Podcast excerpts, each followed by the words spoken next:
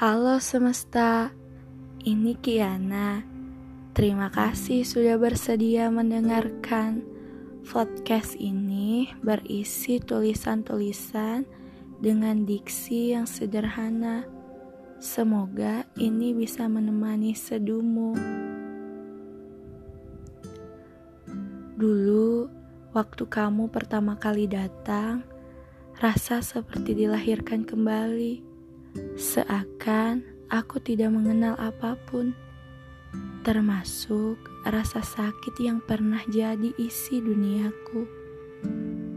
Seperti tangisan seorang bayi yang berubah menjadi tawa yang indah, kamu membawa perubahan baik dalam hidupku.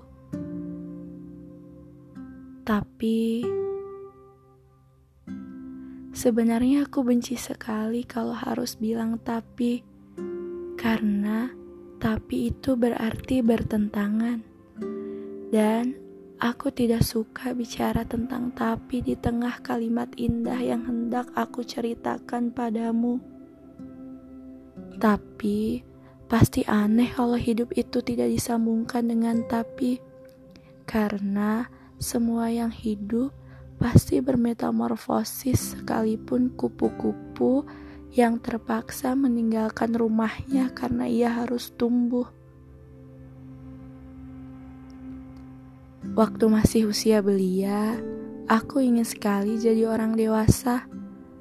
Tapi kini menjadi orang dewasa adalah hal yang paling menakutkan. Seram sekali memikirkan tentang proses yang menjadi tua. Tapi itulah hidup proses, dan berubah. Seperti hati ini yang sempat dilahirkan kembali setelah dimatikan oleh kekecewaan yang berat. Harus dimatikan kembali. Tunggu dulu, agak cepat rasanya kalau langsung menceritakan endingnya. Tragis sekali kalau semua penulis di dunia langsung memindahkan bab terakhir setelah bab pertama. Pembacanya pasti akan kebingungan. Walaupun terkadang lebih baik kebingungan ketimbang mengetahui kebenaran. Seperti yang ku bilang tadi, kalau hidup ini adalah proses. Yang jadi masalah bila kita tidak pernah tahu seperti apa prosesnya. Tuhan memang keren, bisa sekali Dia buat proses yang bermacam-macam dengan pelajaran yang beragam pula.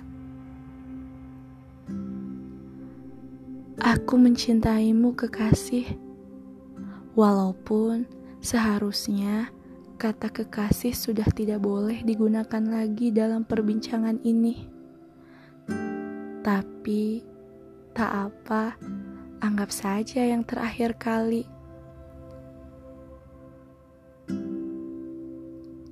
Dulu waktu kutetapkan hati ini untukmu,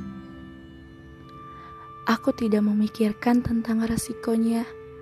Karena ketika kita jatuh cinta, ya jatuh cinta saja. Karena kalau keburu memikirkan resikonya, mungkin tidak ada manusia yang berani untuk jatuh cinta.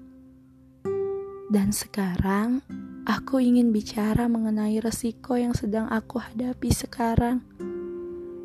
Cinta hadir dengan baik, dan ketika ia berubah menjadi tidak baik, alangkah buruknya kalau kita terus menggenggam cinta itu.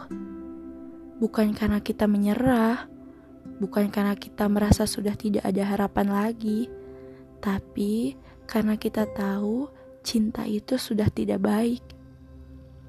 Kini, cinta yang pernah membuatku merasa seperti dilahirkan kembali itu berubah memaksaku untuk berhenti.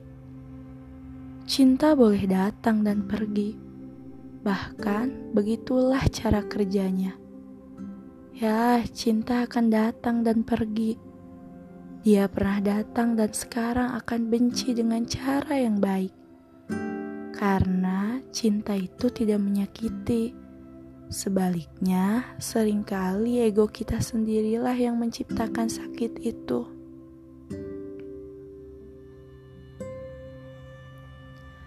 Untuk itu, biarkan cinta itu pergi kita masih bisa hidup sebagai individu yang pernah saling belajar dari cinta yang sama, walau cinta itu sekarang pergi. Di dunia ini tidak ada yang selamanya. Semua hal terjadi hanya untuk jadi pelajaran yang berbeda, dan hatiku sudah kembali mati Mungkin butuh waktu yang lama sampai akhirnya Sang Maha Cinta menitikan hati yang baru untuk melahirkan kembali rasa yang dulu.